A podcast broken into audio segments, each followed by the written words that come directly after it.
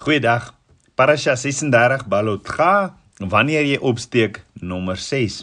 Ons het gesien Moses is moedeloos met die kinders van Israel wat so memoreer en kla en sê vir Abba Vader in Numeri 11 vers 14 tot 15: Ek alleen kan hierdie volk nie dra nie want dit is vir my te swaar en as u so met my wil handel slaan my dan maar liewer dood as ek genade in u oë gevind het en laat ek my ongeluk nie aansien nie.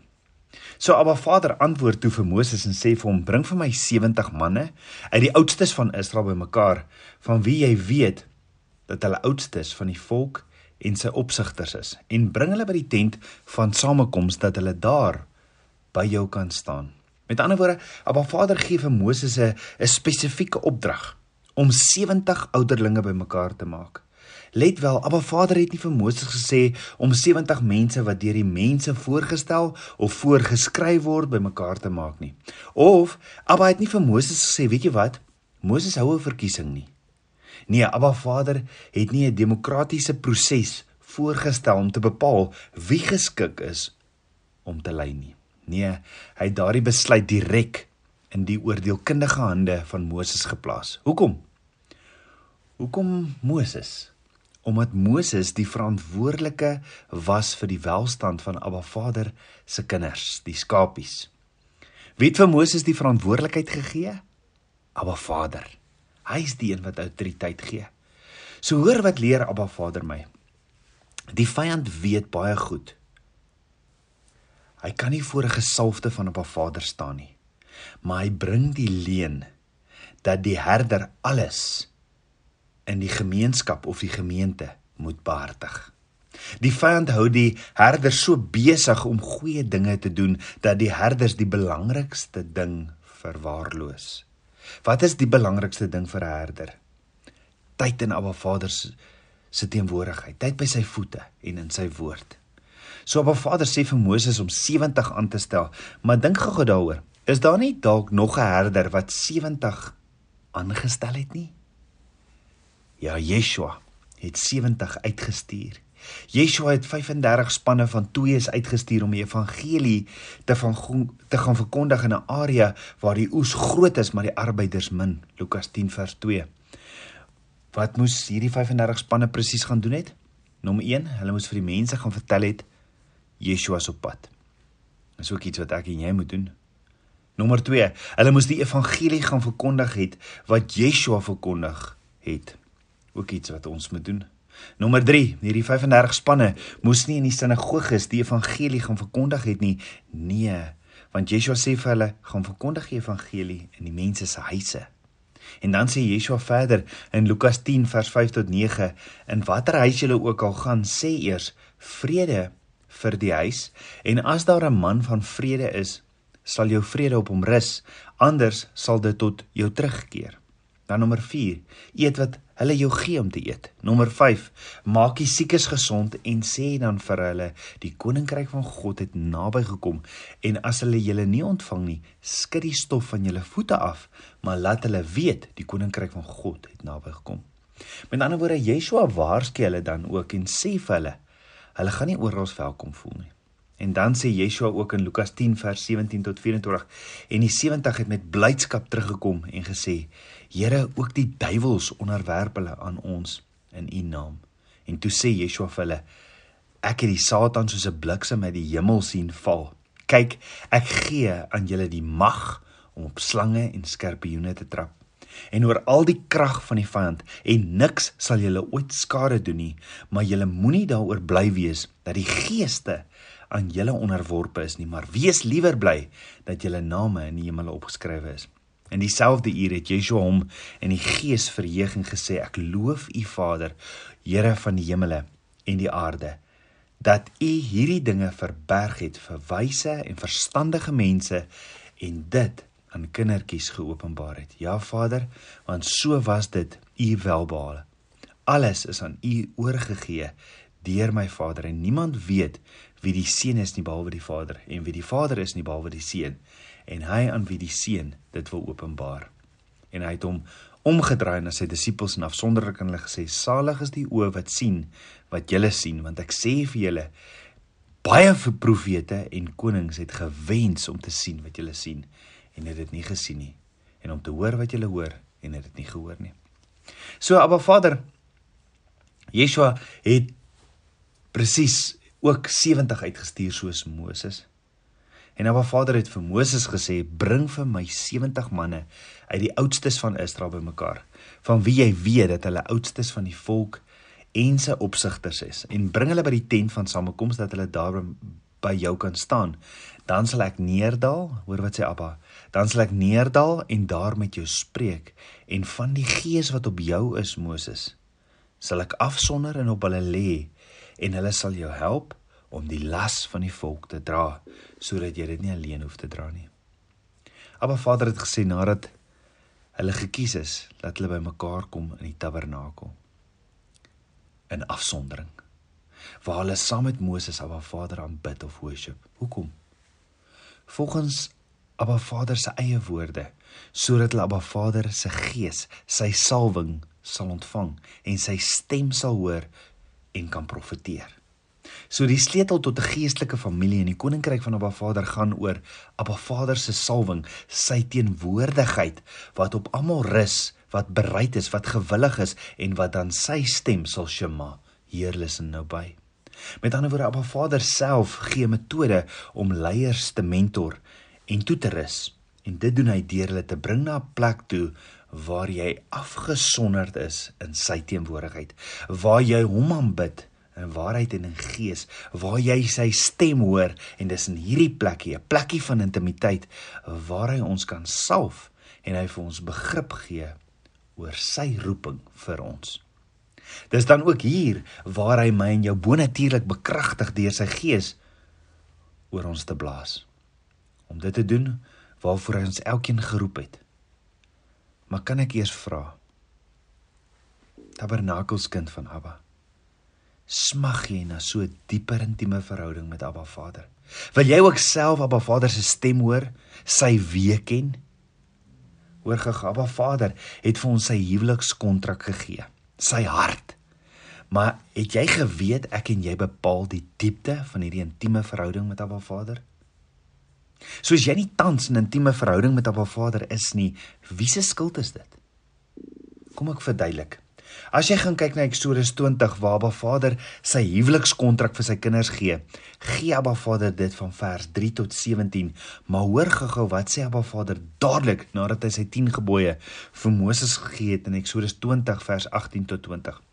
En toe die hele volk die donderslae en die blitse en die geluid van die bassein en die rokende berg bemerk, het die volk dit gesien en gebewe en op 'n afstand bly staan en hulle het vir Moses gesê: "Spreek U met ons dat ons kan luister, maar laat God nie met ons spreek nie, anders sterwe ons."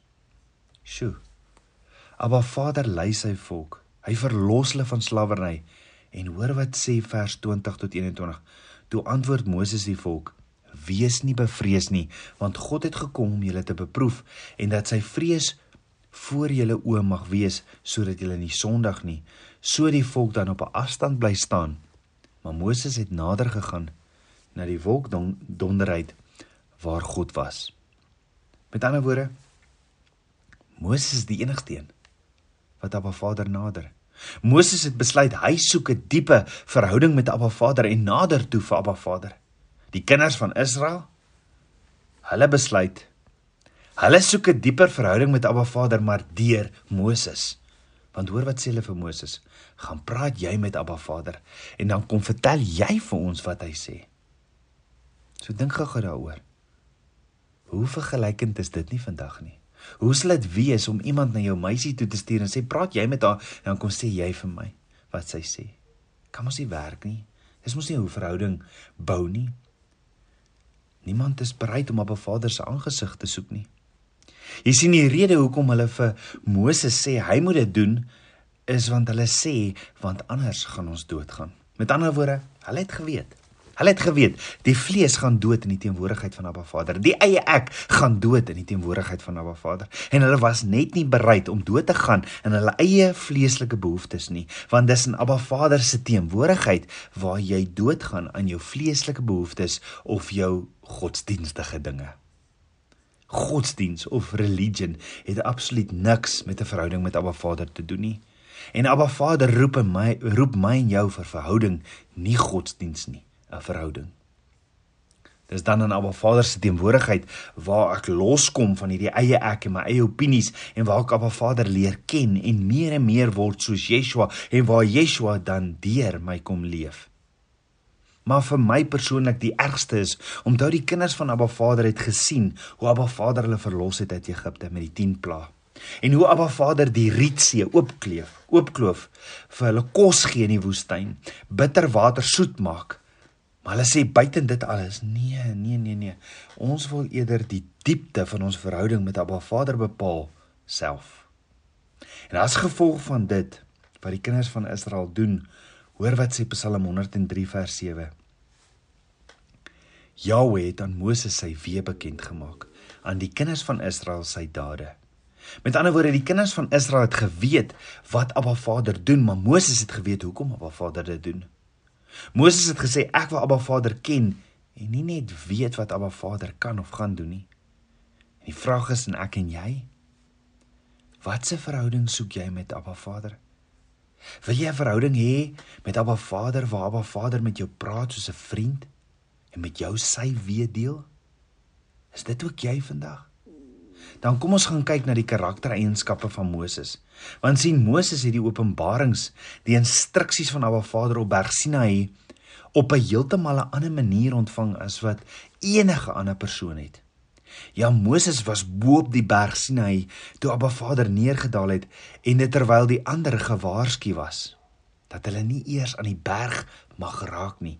Ja Abba Vader sê vir Moses in Eksodus 19 vers 10 tot 13 gaan na die volk en heilig hulle vandag en môre en laat hulle hul klere was en hulle gereed hou teen die derde dag want op die derde dag sal die Here voor die oë van die hele volk op die berg Sinaï afdaal. Ook moet jy vir die volk 'n grens rondom aanwys en sê pas op dat jy nie op die berg klim of sy voet aanraak nie. Elkeen wat die berg aanraak, moet sekerlik gedood word. Geen hand mag hom aanraak nie, maar hy moet sekerlik gestenig of sekerlik met 'n pyl geskiet word of dit 'n dier of 'n mens is, hy mag nie lewe nie. As die ramshoring lang geleide blaas, mag hulle op die berg nie klim. Ekskuus, as die as die ramshoring lang geleide blaas, mag hulle op die berg klim. En dan sê vers 20 tot 21 terwyl die Here op die berg sien hy neerdal op die top van die berg het die Here Moses na die top van die berg geroep en Moses het opgeklim. En die Here het vir Moses gesê klim af, waarsku vir waarsku die volk dat hulle nie na die Here toe deurbrak om te sien en baie van hulle dan val nie. Met ander woorde, selfs as jy as jy die berg aangeraak het, sou jy tot sterwe kom, maar nie Moses nie. So hoekom nie Moses nie? Wat was anders aan Moses? Was dit iets wat Moses se sussie en boetie ook geplaai het? Is dit hoekom daar staan in Numeri 12 vers 1 tot 3 en Miriam en Aaron het teen Moses gespreek vanweë die kustiese vrou wat hy geneem het? Want hy het 'n kustiese vrou geneem en hulle het gesê, het die Here dan maar elkeen met Moses gespreek? Het die het die Here dan maar alleen met Moses gespreek? Het hy nie ook met ons gespreek nie? Met ander woorde, hulle het in opstand teen Moses gekom. En ek wonder hoekom? So wanneer het Aaron en Miriam in opstand gekom? Die kinders van Israel het na 11 en 'n half maande se stilstand by Berg Sinai Berg Sinai verlaat agter die wolk en die vuurkolom aan. Ja, op 11 dae te voet na die na na die roete na die beloofde land. Dis waar hulle op pad was, maar die kinders van Israel was skaars weg van Berg Sinai af toe dinge in die kamp begin ontrafel het. En ons het gesien dat dit alles begin met 'n paar mense in die volk wat begin memoreer en begin kla het. Nou die Hebreëse werkwoord vir memoreer of kla is anan wat beteken om 'n selfbeheersende gehuil aan te neem. Dit dui ook op 'n giftige woede taalgebruik en houding wat mense aanneem omdat hulle geregtig voel om altyd hulle sin te kry. Want hulle voel hulle word onneem van iets waarop hulle geregtig is. Hulle beskou hulle self as wreedaardige, mishandelende slagoffers van iets wat van hulle weggeneem is.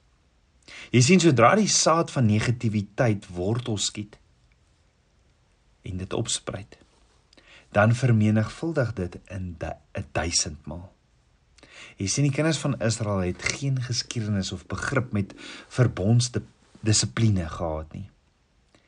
En het begin om te toe te gee aan hulle vleeslike drange. Soos wat? Hulle eetlus, hulle eie sinnigheid, hulle eie instink en hulle eie vleeslike begeertes. So waar begin die negativiteit en die opstand van die kinders van Israel toe? Somme daar tussen die kinders en somme in Moses se binnekring ook. Moses se ouer broer Aaron en sy suster Miriam het in opstand gekom teenoor Moses wat net die instrument in Abba Vader se hande was. Abba Vader se verteenwoordiger. Miriam en Aaron begin toe onderlings vir mekaar sê dit is nie reg nie. Hulle begin te skinder en voel hulle hulle het die reg want hulle is ook profete van Abba Vader. Jy sien daar daar kom niks goeds van die gees van negativiteit, mimmereer en kla nie. Mimmereer of annoying of kwaadwilligheid is soos 'n aansteeklike siekte. Sodra iemand dit toelaat om te broei, versprei dit vinnig en sodoende word almal besmet. En so begin kwaadwilligheid in Aaron en Miriam toe toe te broei. Hulle is ewe skielik nie tevrede met die spesiale rol wat Abba Vader aan hulle 81-jarige Baba Boetie gegee het nie. En in plaas dat hulle hulle Boetie inspireer en seën, beskinder en kritiseer hulle hom. Maar hoor gaga, die woord leer ons nog verder oor Moses se uniekheid.